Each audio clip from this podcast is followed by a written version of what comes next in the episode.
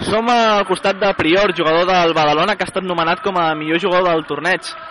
¿Qué n'extreus d'aquesta participació als històrics? Bueno, primero pues una experiencia bonita porque es la primera vez que, que lo he jugado, ¿no? Sobre todo lo importante en estos partidos es no hacerse daño y lo importante también es ganar fondo físico y, y complementación con los compañeros, ¿no? Yo creo que en ese aspecto tenemos que mejorar todavía, hemos dado un pasito adelante y bueno, y poco a poco pues a prepararnos para la temporada, ¿no? Que es lo realmente importante. Com heu plantejat un torneig que dura tants dies i són partits tan seguits?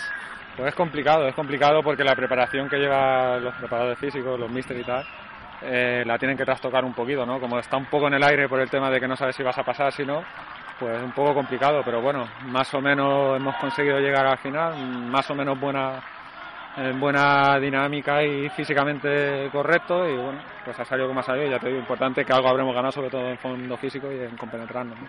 Una altra vegada el Badalona arribant pràcticament fins al final del torneig. Us heu quedat a una passa de ser campions. Sí, sí, sí, la verdad que sí, pero bueno, esto más que nada es anecdótico, ¿no? Lo importante, ya te digo, la liga y para eso es lo que estamos preparando, ¿no?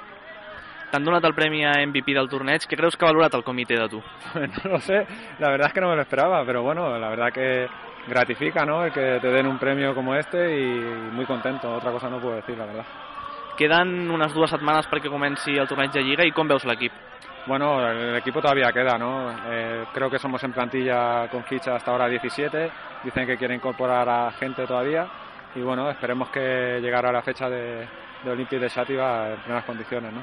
Demà tornar aquí al Guinardó per jugar contra el Martinenc partit de Copa Catalunya. L'equip està preparat o està molt cansat després de tants partits? Hombre, estamos cansados, las cosas como son, son demasiados partidos seguidos. Ahí es lo que creo que peca un poquito este torneo de, de tan seguido porque, porque lo importante es preparar físicamente, aparte del torneo que será ilusionante para todos. Pero bueno, es complicado el jugar tanto seguido y más ahora que llega la Copa Cataluña ¿no? también. Moltes gràcies. Nada, a vosotros. I felicitats. Gracias.